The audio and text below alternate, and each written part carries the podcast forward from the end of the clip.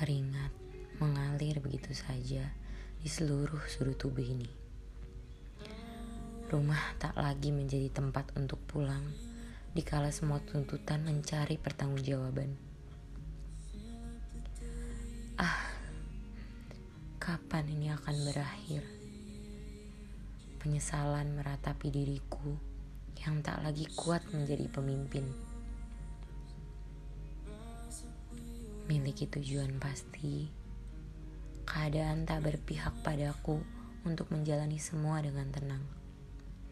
Diteriaki telah terbiasa, menurunkan ego menjadi santapan setiap harinya. Telah buntu pikiranku, dipaksa mencari cara untuk mendapat kerjasama yang kuimpikan.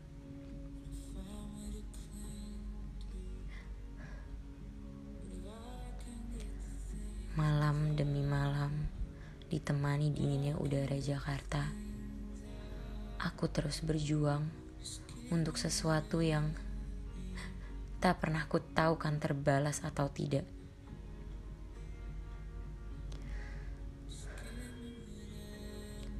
Andai mereka mengerti bahwa saat istirahatku telah menanti sedari lama bahwa manusia sepertiku juga memiliki batas.